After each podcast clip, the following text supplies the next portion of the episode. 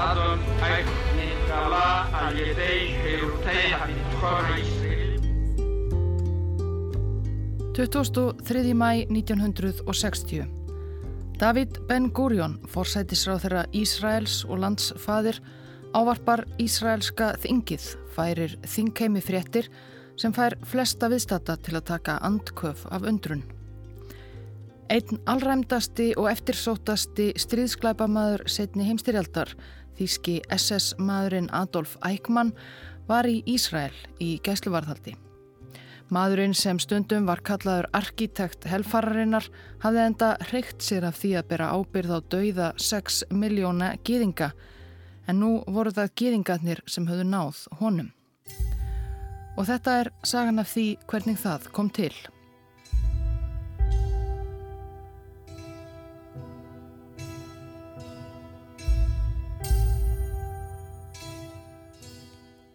Engu tíman árið 1957 bað Lóþar Hermann engaritara sinn um að taka niður bref á ritvelina. Brefið var á þýsku tungumáli sem engaritarin skildi ekki en það kom ekki að sög. Hermann las upp hvern bókstaf fyrir sig. Þetta var bara örugara svona þar sem efni brefsins var nokkuð viðkvæmt. Ágæti hlustandi réttir að taka fram að ímis smáatriði í þessari sögu og raunar mörg aðalatriðin líka eru nokkuð á reiki, umdelt og mismunandi eftir því hver segir frá.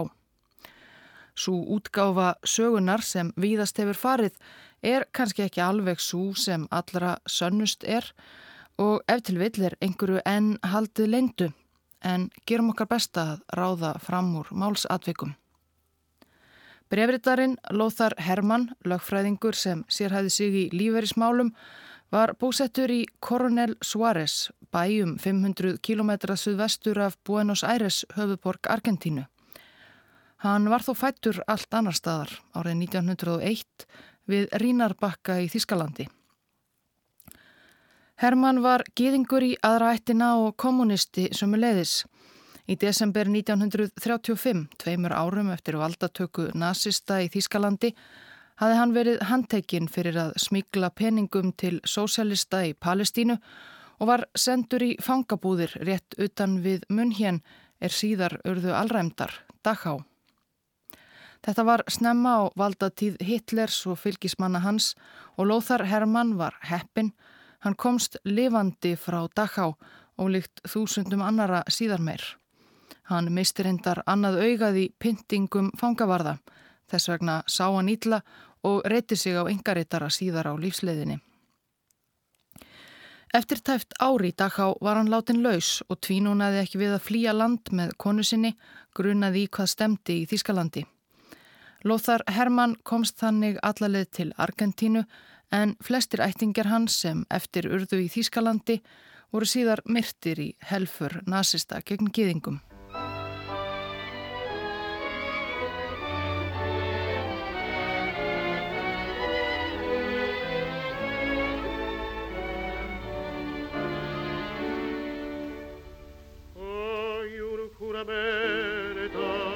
Hermann hjónin settust fyrst að í Buenos Aires. Þar var dágott samfélag þýskumælandi innflytjanda.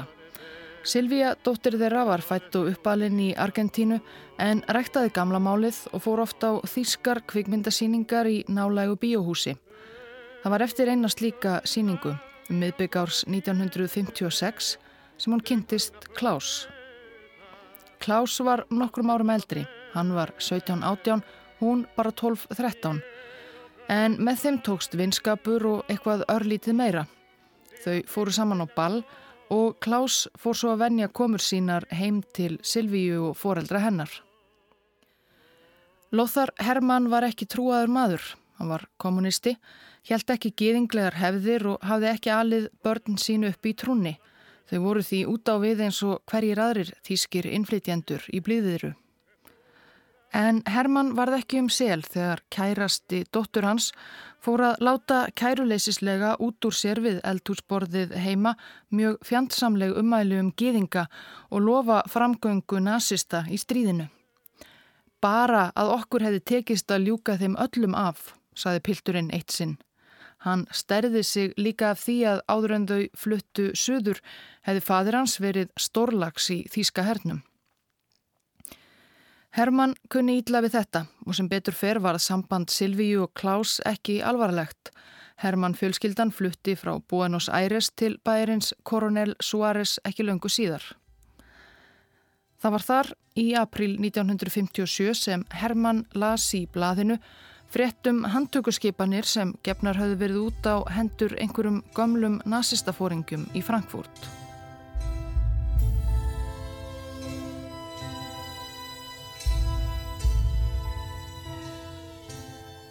Fjölmörgum þeirra þýsku ráðamanna sem voru handsamaðir í stríðslokk var réttað yfir í Nürnberg fljótlega eftir stríð en margir nazista forkólvar og herfóringjar sluppu úr greipum bandamanna í ringulreiðin í stríðslokk og lifðu áfram í mismiklum felum í Þýskalandi og um heiminn.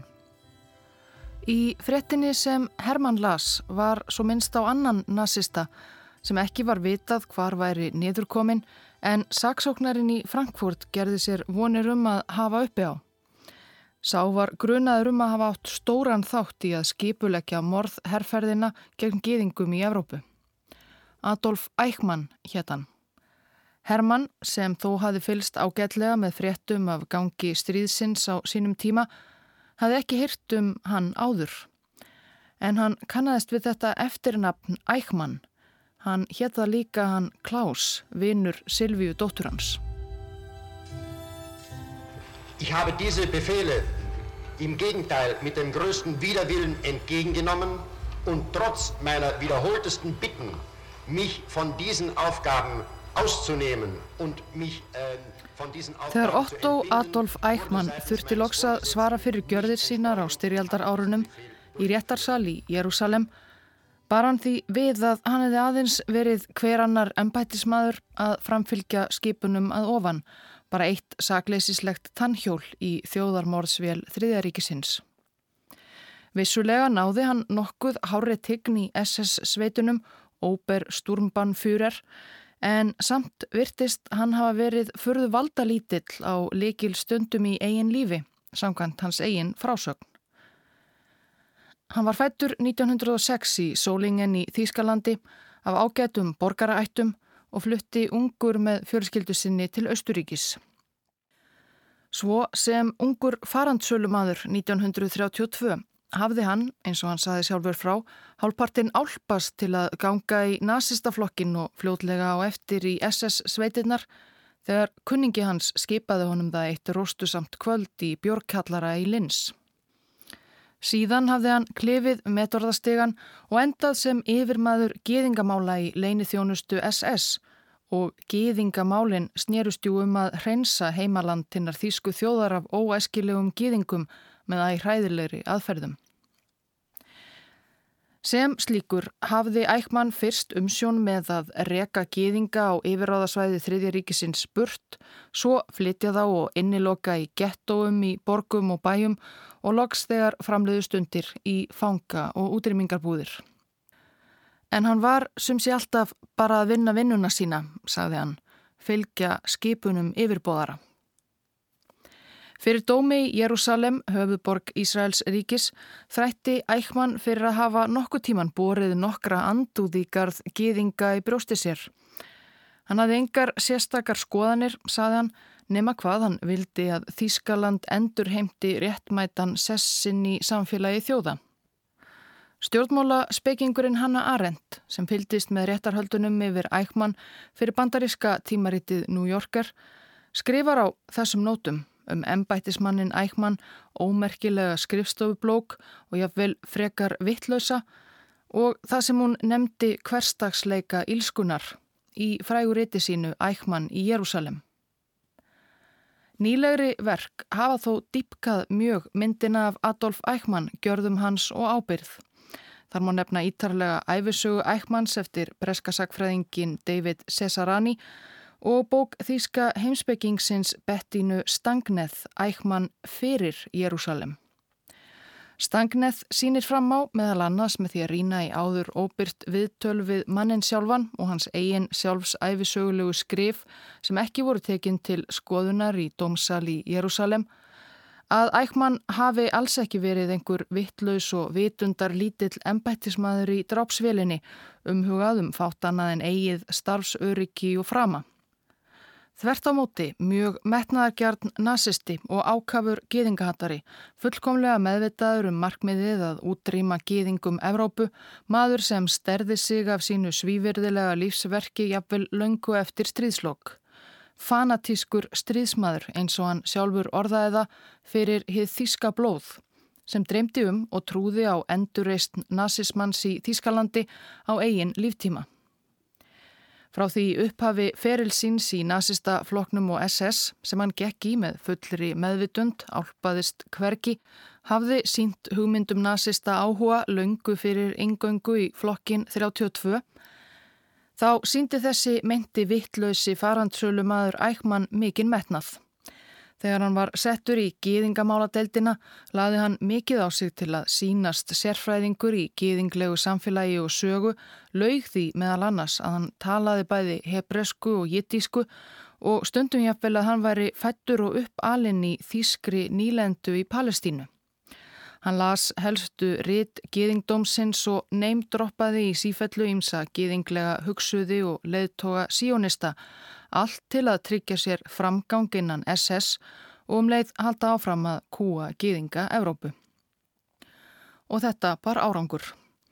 Sendur til starfa í Budapest 1944 hafði Ækman umsjón með því að taka höndum og flytja á fjórum mánuðum um 420.000 ungverska gýðinga, karla, konur og börn til Ásvits og Birkená, beint í opinn döiðan Meiri hlutin var myrtur stuttu eftir komuna, sendur beint í gasklefana. Og hann helt ótröður áfram að senda af stað gripalestir pakkaðar saklausu mannfólki, jafnvel þegar leppstjórn þjóðverja í Ungverjalandi vildi haldaða sér höndum.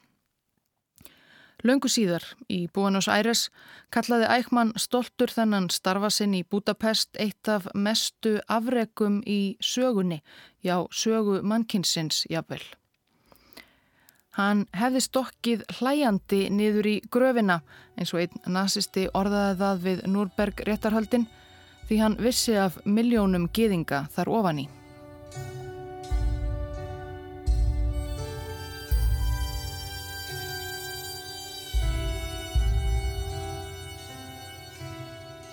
En förum ekki mikið nánar í ótaðisverk Ækmanns og kollega hans hér um þau hefur talsvert verið fjallað annar staðar. Adolf Hitler svifti sig lífi í byrgi sínu í Berlín 30. april 1945. Rúmri veku síðar, 8. mæ, lísti Þískaland sig sigrað í heimstyrjöldinni. Vorið 45 var Adolf Eichmann í Austuríki þar sem ferill hans sem nazisti hafði hafist 13 árum áður. Síðasta ábyrðarstarf hans í stríðinu var að hafa umsjón með fluttningi ungverskra gýðinga til útrymmingar en sovjetmenn hafðu svo hrakið þjóðverja frá ungversku höfuborginni Budapest í desember 44. Hátt settir nazistar eins og Ækman flúðu flestir borgina og Ækman passaði upp á að láta brenna skjölum lestarferðirnar lífsættulegu. Svo lagðist hann á flóta.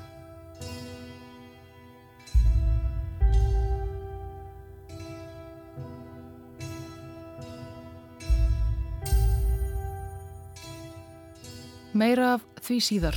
Við förum til Argentínu fram til vorsins 1957.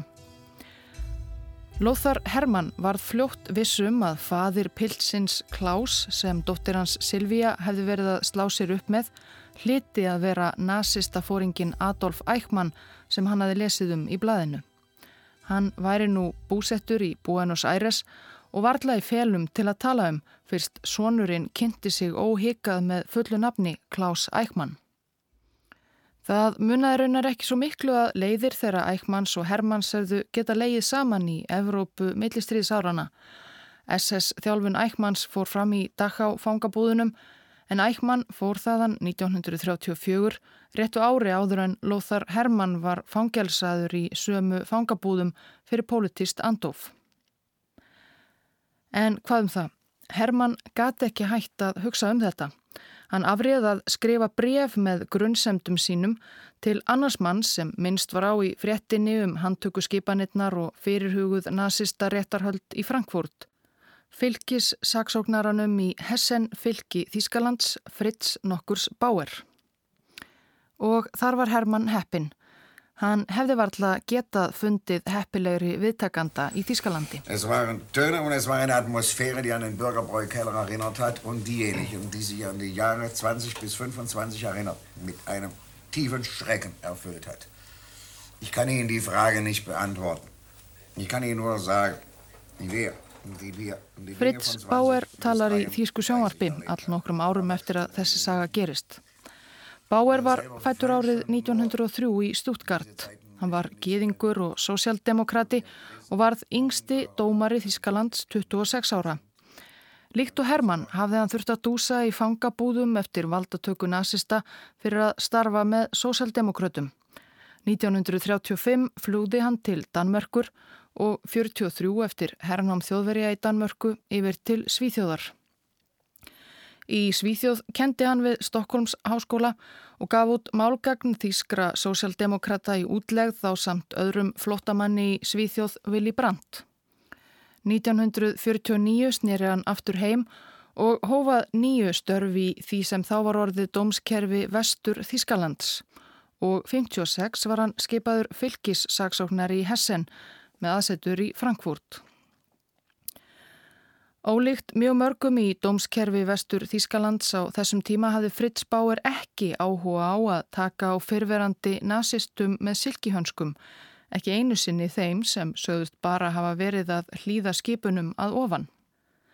Vestur Þíska stjórnkerfið úði enn og grúði af gömlum nazistum og skoðana bræðrum þeirra. Margir vildu láta kyrt liggja en þvert á móti vildi Bauer gera upp við fortíð Þýskalands, fortíð sem var þarna en áþreifanlega nálæg og það af fullum krafti. Hreinsa hreyðrið eins og hann kallaði það. Fritz Bauer var vanur að vera í andstöðu við megin strömin, vanur að þurfa að líta sér um auksl. Það hafði hann þurft að gera alla tíð. Hann hafði ekki aðeins verið geðingur og sósjaldemokrati á tíma sem það var mjög óæskilegt. Hann var líka samkynneður og hafði jafnvel sem flóta maður í friðsætli Skandinavíu sætt ofsóknum yfirvalda vegna þess. Engver annar vestur þýskur saksóknari hefði kannski bara stungið brefi Hermannsofan í skúfu en Fritz Bauer las það með áhuga. Þetta voru þó bara grunnsemdir. Bauer bað Hermann um að senda sér frekari upplýsingar svo sem heimilisfang og lýsingu á útleiti mannsins sem hann grunaði að væri nazistin allræmdi ækman. Lóþar Hermann var kannski ekki alveg besti maðurinn í slíka rannsókn verandi næstum sjónlaus eftir pyntingarnar í Dachau en hann tók málið mjög alvarlega.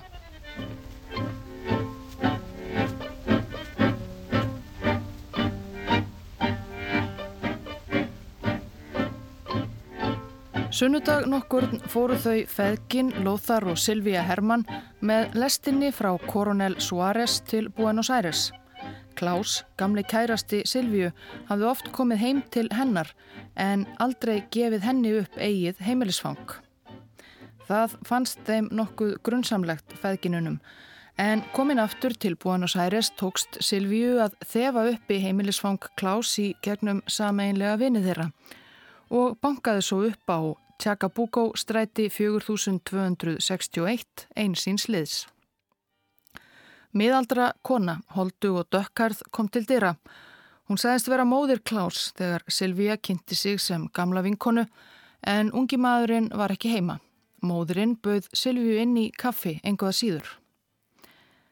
Silvíja settist við borði í borðstofinni og von bráðar byrtist þar miðaldra maður með glerugu sem heilsaði henni með virtum en var annars hálf niðurlútur. Eðlilega spurði Silvíja hvort hann væri fadir Klaus, það lág svona beinast við. En fát kom þá á Karlinn.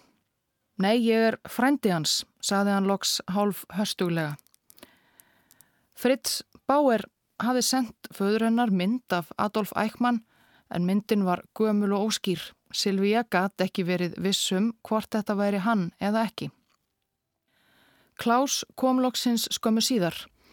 Hann var undrandi að sjá Silvíu, sambandi þeirra var jú lokið og hann hafði aldrei gefið henni heimilisfang sitt. Heimsóknin varð ekki mikið lengri, Silvíja afsakaði sig og sagðist þurfa að ná rútunni heim. Þar sem Silvíja stóði í útidyrunum spurði frændin Klaus hvort hann ætlaði ekki að sína herramennsku og fylgja ungu konunni á rútustöðuna. Ég geri það auðvitað, sagði Klaus þá. Þakka þér, fadir.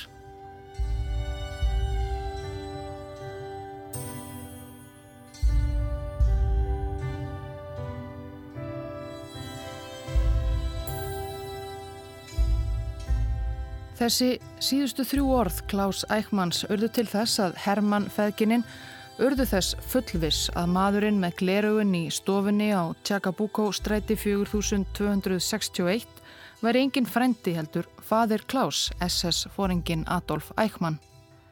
Feðgininn gengur svo langt að hafa uppi á skjölum um húsið við Tjakabuko, von góð, en greipu þar í tómt. Engin Eichmann var skráður í húsinu, jáfnvel þótt Klaus hefði fúslega gefið upp það nafn. Húsið var í eigu einhvers Francisco Smith sem legði það út til einhverja sem héttu Dagudó og Clement. Var einhver þessara Eichmann? Já, hver veit. Lóþar Hermann komst ekki lengra að sinni en sendi upplýsingar um rannsókn þeirra feðgina umsvöfalaust til saksóknarans í Frankfurt, Fritz Bauer. En Bauer vissi sem var að vestur þýst löggæslu og dómskerfi var ennfullt af mönnum sem höfðu samúð með nazistum, allavega takmarkaðan á hóa á að elda þá og sækja til saka. Læti hann vita af vísbendingunum um mögulegan íverustad ækmanns væri næsta víst að þær upplýsingar rötuðu beint aftur til Argentínu og ækmann færi í felur. Það voru heldur litlar líkur á að þísk yfirvöld færu að eldast við ækmann til Argentínu af nokkuri alvöru nýjað argentínsk stjórnvöld sem hefðu ekkert haft á móti því hinga til að hýsa gamla nazista fjallust á að framselja hann úr landi. Fritz Bauer hafði enga trú á löndum sínum og fáum öðrum. Hann ákvaðað fara með upplýsingarnar til annars Erlends ríkis, til Ísraels.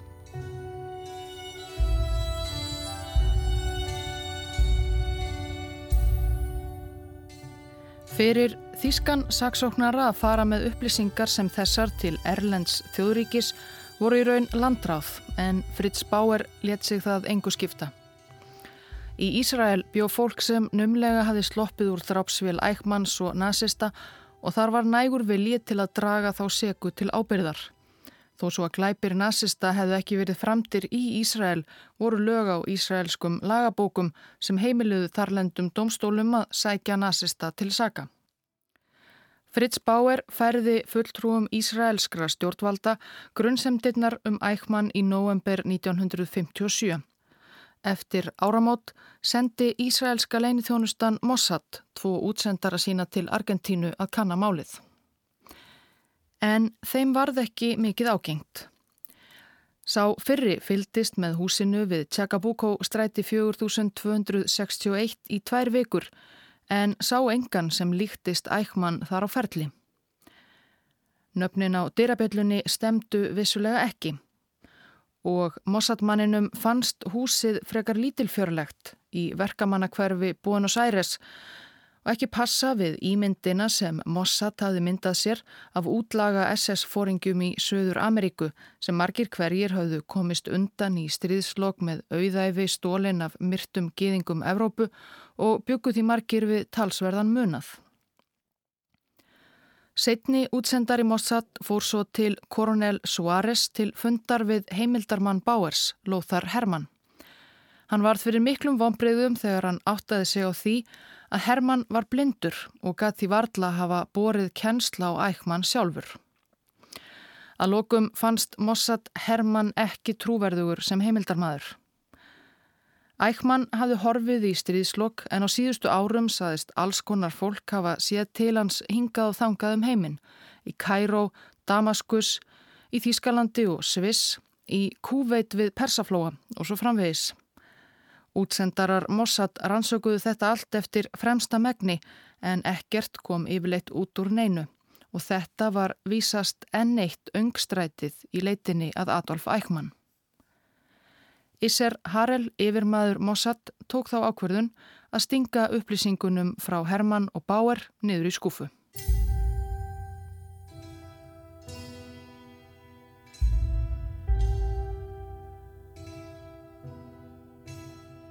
Það var reyndar talsvert meira til í vísbendingunum um að Adolf Eichmann væri búsettur í Buenos Aires en að hann væri í Kuveit eða Kæró.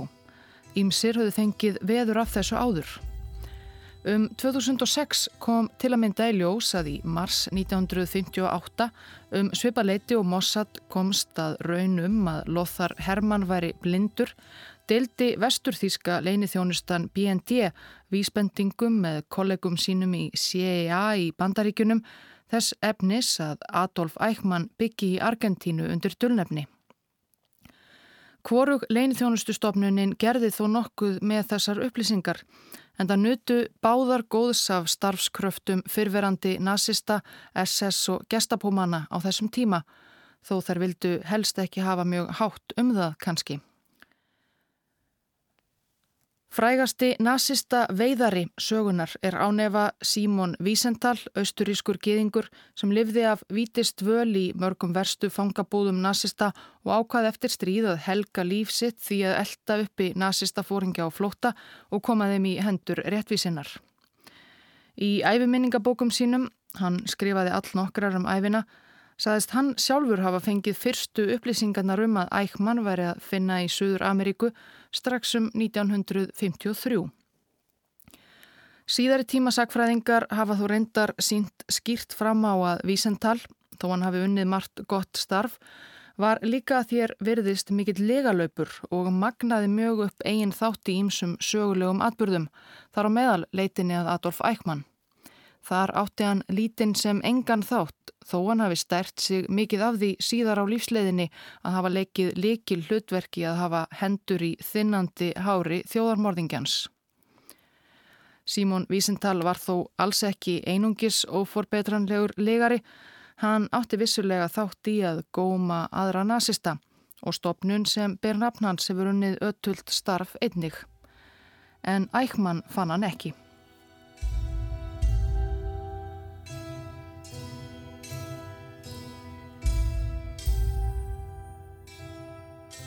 7. mæ 1945 var öllum ljóst að Þískaland væri sigrað.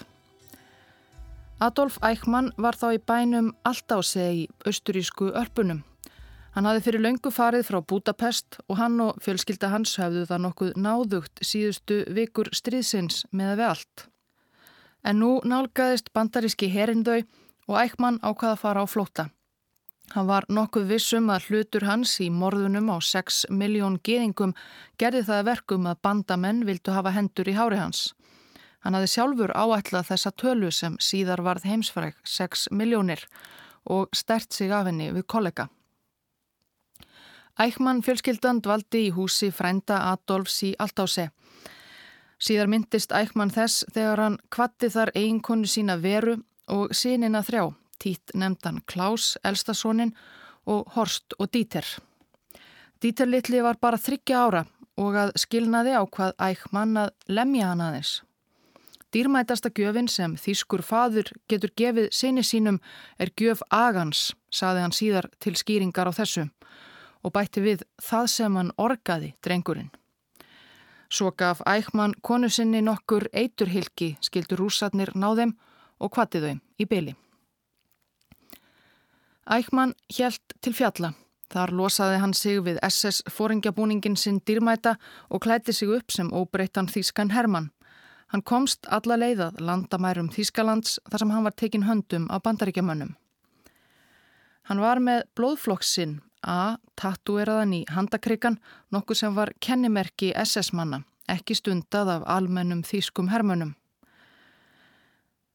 Ok, svo að Ækman ákvað að finna upp nýtt dulargerfi. Hann sagðist nú vera látt settur SS maður að nafni Otto Ekman, nafn ekki svo ólíkt hans eigin. Bandamenn höfðu ekki tökka á að rannsaka hvern mann svo ítarlega Ekman var fluttur í fangabúðir bandamanna hvaðan hann slapp svo með falsaða pappýra með enneinu dullnefninu Otto Henninger í februar 1946.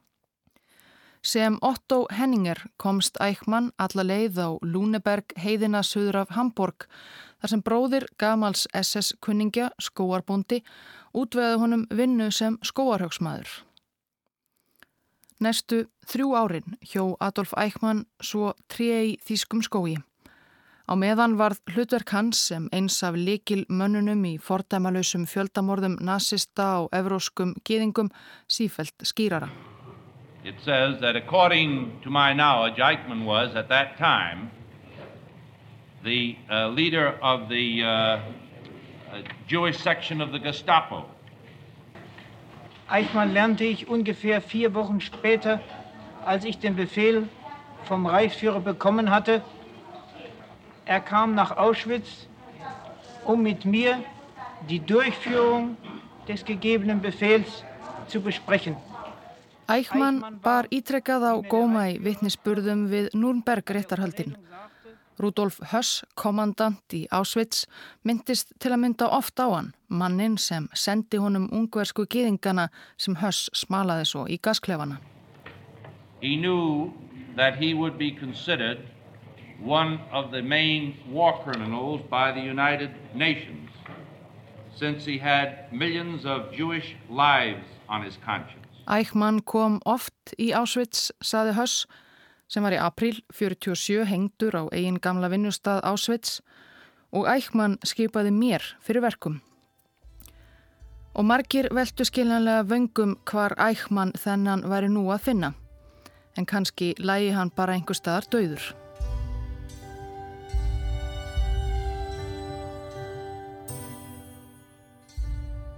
Það gerði hann ekki. 1948 flutti Eichmann sem enn notaði nafnið Otto Henninger sig örlítið um set á Lúneberg heiði til Þorpsins Altensalskott þar sem hann fór að reka lítið kjúklingabú. Altensalskott var bara spottakorn frá fangabúðum nazista Bergen-Belsen sem þarna voru í nótkunn sem flótamannabúðir fyrir geðinga sem komist höfðu lífs af í helförinni. Flótafólkið setti svipsinn á bæin Altensalskott og Otto Henninger þurfti því oft að umgangast geðinga í daglegu lífi. Fólkið sem hann örfa um árum áður hafi verið upptekinn við að koma ofan í gröfina. En hann let það ekki á sig fá og var vist almennt vel liðin í bænum. Hann var þó meðvitaður um að hann gæti ekki verið í felum þarnað eilífu. Á meðan hann var að sinna kjúklingunum hafði Vera Ækman, kona hans, verið yfirherð af bandaríkjamönnum í Östuríki. Hún sagðist hafa skilið við mannsinn vorið 1945, ekki séðan síðan og hann væri vísast döður. Ækman slapp í byli en honum var ekki um sel. Vorið 1950 gaf Ækman kjúklingaræktina upp á bátinn og kvarf frá Altensalskott. Hann saði kunningum að hann ætlaði til Skandinavíu, hið rétt að var að hann ætlaði öllu lengra.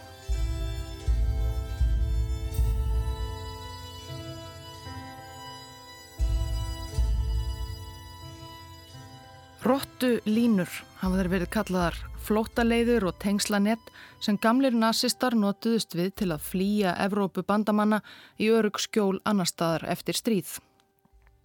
Argentína var byggð upp af innflytjandum frá Evrópu að stórum hlut.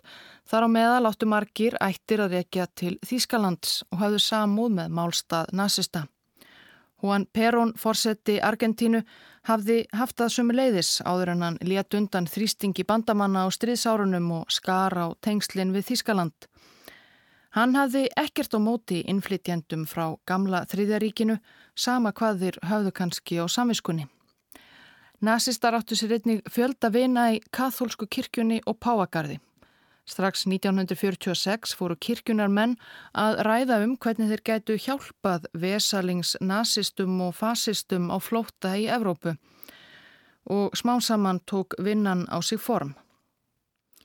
Alois Húdal, austurískur biskup búsettur á Ítalju og aðdáandi Hitlers til margra ára útvegaði þessum vesalingsflótamönnum falsaða pappýra gegnum sendiskrifstofu Östuríkis í Vatikaninu sem síðan var hægt að nota til að fá landvistarleifi gegnum sendiráð Erlendra ríkja, oftar en ekki í Arabalöndunum eða Suður Ameríku. Aðrir kirkjunar menn voru líka viðriðinir samsærið sem og starfsmenn alþjóða Rauðakrossins. Ækman sagði frá síðar. Ég var einangraður frá fjölskyldu minni öll þessi ár. Mig langaði til að sjá konuna mína og börnin aftur og ég var orðin leiður á þessum felleik. Ég vissi að ég yrði að býða eftir að stormin læði og áhugin á mér dvínaði. En það var alltaf verið að minnast á mig í dagblöðum og útvarpi. Ég frétti af samtökum sem hjálpuðu fólki að komast frá Þýskalandi. Vorið 1950 kom Ækman sér því yfir til Ítalíu. Hann fikk inni í klaustrum á leiðinni kirkjunar menn alltaf boðnir og búnir að aðstóða þetta mikla mektarmenni. Og þegar til Ítalíu kom hjálpuðu vinnveittir klerkar honum að tryggja sér flótamannapassa frá Rauðakrossinum með nafninu Ricardo Clement og vegabrifsáritun til Argentínu. 17. júni 1950 var hann komin um borð í skipið SS Giovanni sem lagði af stað til Buenos Aires frá Genua. Um borð voru að minnstakosti tveir aðrir flóttamenn sem í raun voru SS-fóringjar en fleiri kollegar þeirra höfðu farið svipaða leiði yfir hafið á undan þeim eða áttu eftir að koma. 14. júli 1950 var SS Giovanni komið til Buenos Aires. Hjarta mitt var uppfullt af gleði. Óttinn að einhver geti sagt til mín var horfin. Ég var komin og örugur. Ég vissi að í þessu fyrirheitna landi, Suður Ameríku, ætti ég nokkra góða vini sem ég gæti sagt opinskátt og með stolti að ég væri Adolf Eichmann, fyrverandi Obersturmbannfyrir.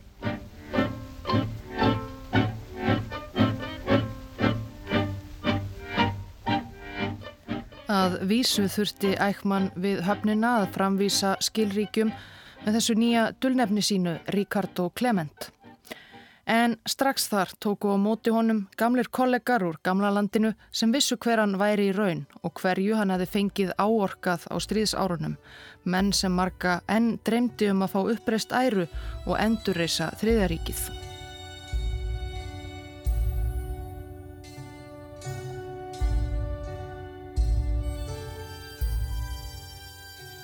Vissulega var þetta því Adolf Eichmann fyrirverandi SS Obersturmbannfyrer sem var fadir, ekki frændi, Klaus, kærasta Silvíu Hermann, íbúi við Tjakabuko stræti 4261 sem notaðist ofinberlega við nafnið Ricardo Clement. En Fritz Bauer, fylgis saksóknar í Frankfurt, var þess fljótlega áskinja að Ísraelar höfðu ekki gert mikið með upplýsingarnar sem hann letið í tíum ækman. Ekkert spurðist raunar meira til ækman málsins frá Ísrael. Það voru vonbreyði en Fritz Bauer ætlaði sér þó ekki að gefa leitina upp á bátinn og honum átti eftir að berast liðsauki.